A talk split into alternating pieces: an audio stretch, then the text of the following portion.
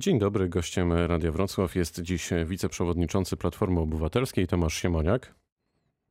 Panu, dzień dobry państwu. E, panie przewodniczący, Platforma e, w miniony weekend ogłosiła plany przejęcia władzy, ale tak się na gorąco zastanawiałem, gdy to wszystko się działo, czy Platforma z kimkolwiek konsultowała ten projekt z innymi partiami opozycyjnymi, bo jak się wsłuchiwałem i nadal się wsłuchuję w głosy liderów innych ugrupowań, to mam takie wrażenie, poczucie, że konsultacji nie było, a Platforma tak chciałaby teraz ustawiać pozostałe partie opozycyjne. Jest takim samym samozwańczym liderem na opozycji? Przedstawiciele Platformy, liderzy Platformy rozmawiali i rozmawiają bez przerwy w różnych sprawach e, z szefami innych ugrupowań opozycyjnych, e, więc e, myślę, że nasza wola współpracy, dziesiątki wypowiedzi na temat potrzeby jednej listy w przyszłości, różne inne propozycje nie są dla nikogo zaskakujące. Ja dostrzegłem ten wątek w różnych wypowiedziach, że przecież o tym się mówi od, od dawna, a sądzę, że forma tego, co się zdarzyło w sobotę, była no, maksymalnie otwarta. Niczego nie narzucamy, prosimy, pokazujemy pewne twarde dane z badań, które wskazują, że opłaca się współpraca i pokazujemy, co nas łączy. No to bo dlaczego, przecież znamy programy i ugrupowań i, i jakby jest katalog spraw, które nas łączą. Więc y, Jasne, to dlaczego się, że... nie było liderów y, innych partii y, w trakcie tego spotkania? Bo to było wydarzenie Platformy.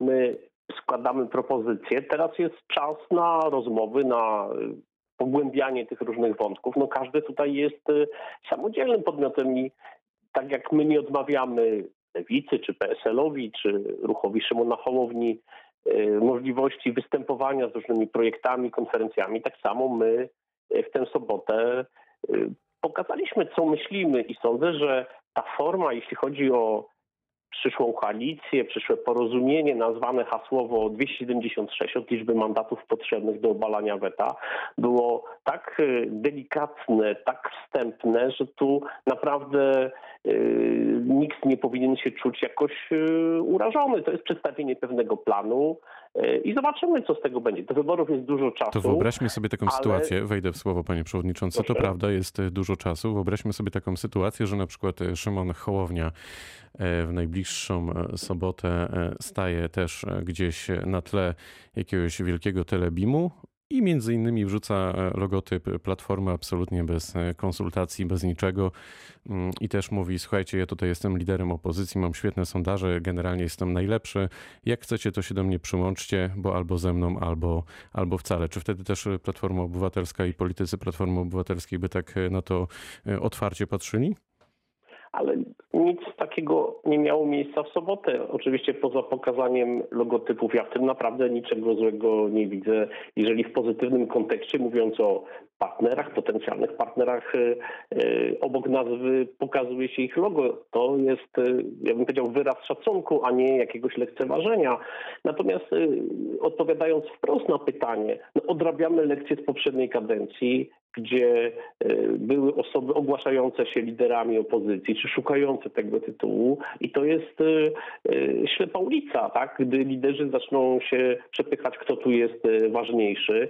Myśmy nie powiedzieli, jesteśmy najlepsi, lepsi, przyłączajcie się do nas, tylko pokazaliśmy pewną możliwość, pokazaliśmy e, pewien kontekst i liczymy, że Szymon Hołownia, inne ugrupowania opozycyjne e, zechcą o tym rozmawiać. Jak mówię, w zeszłej kadencji są doświadczenia budowania koalicji europejskiej czy obywatelskiej, dobrej i złej. Trzeba teraz wyciągnąć wnioski, a są pewne obiektywne okoliczności, system wyborczy, system ordynacji wyborczej, tak zwany system Donta, który absolutnie premiuje tych, którzy dostają najwięcej. Cóż z tego, że w 2019 my, Koalicja Obywatelska, PSL i Lewica dostaliśmy 900 tysięcy głosów więcej niż PiS, ale y, tu te głosy mniejszych y, się nie sumują i PiS ma znowu y, większość w, tej takim razie... Także to czy, czy Wystarczyło pan, na Senat, a na Sejm już nie. Czy sądzi pan, że uda się e, przeciągnąć kilku posłów e, na stronę opozycji? Takie rozmowy trwają? Rozmowy nie trwają, natomiast obiektywnie patrzymy, co się dzieje w Zjednoczonej Prawicy. Trwa tam tak naprawdę gdzieś od sierpnia, września jakiś głęboki kryzys. Najpierw na styku PiSu z, ze Zbigniewem Ziobrą, jego ludźmi, wielomiesięczne jakieś nerwowe ruchy, prawie że wychodzenie z koalicji, a teraz inny partner y, PiSu, mianowicie porozumienie Jarosława Gowina, jest szarpane bardzo ostrym konfliktem, widać, że podsycanym z zewnątrz przez, przez PiS. Więc y, ja znam wiele posłanek i posłów PiSu i uważam, że y, bardzo wielu z nich no nie godzi się z tym, co PiS robi. To są ludzie często jeszcze związani z demokratyczną opozycją, ludzie, którzy patrząc na to, co się dzieje, na to spychanie Polski z drogi demokracji, na tę łapczywość w spółkach, no, zastanawiają się i to są oczywiście zawsze bardzo trudne decyzje, ale mm, jeśli jest jakaś arytmetyka, to my nie możemy powiedzieć czekamy do 2023, tylko trzeba po prostu przekonywać e, posłów ugrupowania rządzącego do tego, że jest e, alternatywa. To nim o tym, co się dzieje po drugiej stronie, mm, to wróćmy jeszcze do Platformy. Dlaczego obok panów Budki i mm, Trzaskowskiego nie pojawiła się żadna kobieta, skoro tyle o prawach kobiet w ostatnich tygodniach, ale też nawet miesiącach e, mówiła e, Platforma. No i kiedy poznamy efekty decyzji zespołu pani marszałek Kidawy-Błońskiej do spraw e, aborcji? Założenie było takie, że liderzy występują w dwójkę, przewodniczący Platformy i nasz y, kandydat z wyborów prezydenckich, czyli Borys Budka i Rafał Trzaskowski. Y, więc y, pewnie gdybyśmy robili normalną konwencję w jakiejś hali widowiskowej, to byłaby możliwość, żeby wystąpiło dużo więcej osób. Ja rozumiem, Natomiast ale czy to jest mają... wiarygodne, panie przewodniczący? Wyborcy oceniają. Myślę, że jeśli chodzi o obecność kobiet w polityce, to Koalicja Obywatelska jest tutaj bardzo silnie reprezentowana, ma wyraziste, widoczne osoby. Wspomniał pan o marszałek Kidawie Błońskiej i jej pracy zespołu, też pytając o to, więc odpowiem, że spodziewam się w ciągu kilku, kilkunastu najbliższych dni efektów pracy tego zespołu i to jest e, właśnie zadanie, którego twarzą, liderką jest e, Małgorzata Kidawa-Błońska. Więc nie sądzę, żeby tutaj ktokolwiek miał takie poczucie, że brakuje mu kobiet z Koalicji Obywatelskiej, bo choćby wczoraj posłanka Izabela Leszczyna przedstawiała ocenę polityki gospodarczej PiSu, jest tutaj liderką tego tematu, e, więc e, e, nie rozczarują się ci, którzy czekają na kobiety z koalicji w ciągu najbliższych dni. A sądzi pan, że jak wyborcy przysłuchiwali się temu, o czym opowiadali liderzy Platformy Obywatelskiej w sobotę, to jest coś, czego właśnie wyborcy w tej chwili oczekują, czyli takie przejęcie władzy dla władzy, bo tak to trochę wybrzmiało, a nie nie jakiś konkret programowy? Takie jakieś trzy najważniejsze kierunki chociażby? No były konkrety. Mówił o tym, no obydwaj liderzy o tym mówili. Borys Budka mówił o tym, co się dzieje w państwie, o źle działającym państwie. Obiektywny wskaźnik, liczba zgonów nadprogramowa w zeszłym roku to jest tragiczna kwestia i pokazanie, jak niewydolne są struktury państwa. A Rafał Trzaskowski powiedział o dwóch rzeczach, które są absolutnie fundamentalne w tym momencie: zdrowiu, ochronie zdrowia, o tym, że trzeba więcej środków na to kierować, że ten system jest na granicy wydolności i o edukacji, czyli o tym, co się dzieje w szkołach e, i to e, nie tylko tu mam na myśli ostatni rok, to znaczy ten zdalny system, wszystkie problemy, kłopoty, które rodzice, dzieci, nauczyciele dobrze znają.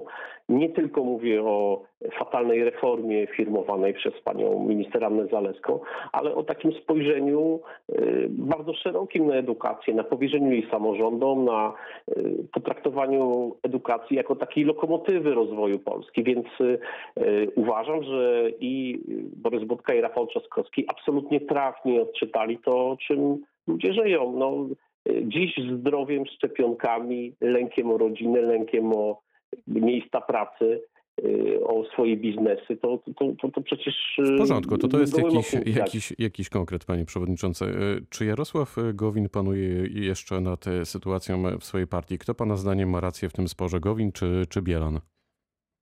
No ja powiem tak, no jeżeli partia się nazywa Porozumienie Jarosława Gowina, to uważam, że panuje nad sytuacją y, Jarosław Gowin. Widziałem kilkanaście podpisów y, parlamentarzystów y, porozumienia po stronie Jarosława Gowina, więc uważam, że jakieś tu kruczki prawne i tego rodzaju dziwne działania podjęte wobec porozumienia, no nie przesłaniają pewnej podstawowej sprawy. To jest ugrupowanie, którego liderem jest Jarosław Gowin i wszelkie próby y, pozbawienia go w taki sposób niedemokratyczny y, tej funkcji, tego liderowania no, są bardzo niedobre, tak?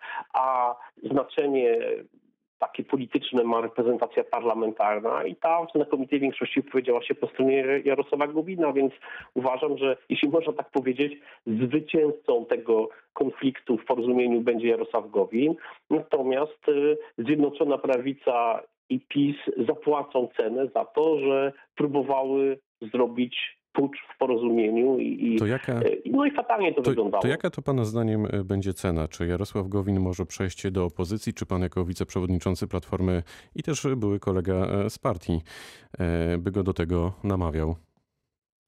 Czyli, oczywiście, że tak. Uważam Jarosława Gowina za taką osobę, która kieruje się patriotyzmem, odpowiedzialnością za państwo. Y, Poszedł taką drogą kilka lat temu i, i zawsze uważałem, że podjął złą decyzję. Natomiast y, w polityce zawsze jest możliwość korekty złej decyzji. Sądzę, że po tym konflikcie w porozumieniu Jarosław Gowin i jego ludzie stracą zaufanie do Jarosława Kaczyńskiego i, i PiSu, bo po prostu takich rzeczy się nie robi. To przecież było tak czytelne użycie wszelkich środków do tego, żeby y, po, pozbyć się Jarosława Gowina. Nic nie będzie takie samo. Czy to doprowadzi do jakiegoś porozumienia z opozycją? Pewnie to jest y, bardzo trudne i To, to, to Em, ostatnie pytanie, panie przewodniczący, e, Tak. ko- konkretne. Czy pana zdaniem może w takim razie dojść do jakiegoś e, przesilenia? To jest y, kwestia y, integralności obozu Zjednoczonej Prawicy. Jak widać, te pęknięcia są coraz większe. Jarosław Kaczyński coraz mniej panuje nad PiSem i sądzę, że y, nadejdzie taki moment w bliskiej przyszłości. Myślę, że to będzie dymisja rządu Mateusza Morawieckiego, odpowiedzialnego za zaniedbania, zaniechania, jeśli chodzi o pandemię. Ktoś musi cenę za to zapłacić i wtedy tak naprawdę będzie takie mocne sprawdzam, w jakiej kondycji jest PiS, a z tygodnia na tydzień widać, że coraz gorsze, coraz mniej tych ludzi łączy. Y, Jak widać po sprawie porozumienia, y, są gotowi natychmiast w mediach obrzucać się błotem, atakować y, wczorajsi koledzy, więc sądzę, że to będzie zły rok dla Zjednoczonej Prawicy. Wiceprzewodniczący Platformy Obywatelskiej Tomasz Siemoniak był gościem rozmowy dnia. Bardzo dziękuję za spotkanie. Bardzo dziękuję panie doktorze. Pytał Dariusz Wieczorkowski. Fantastycznego dnia.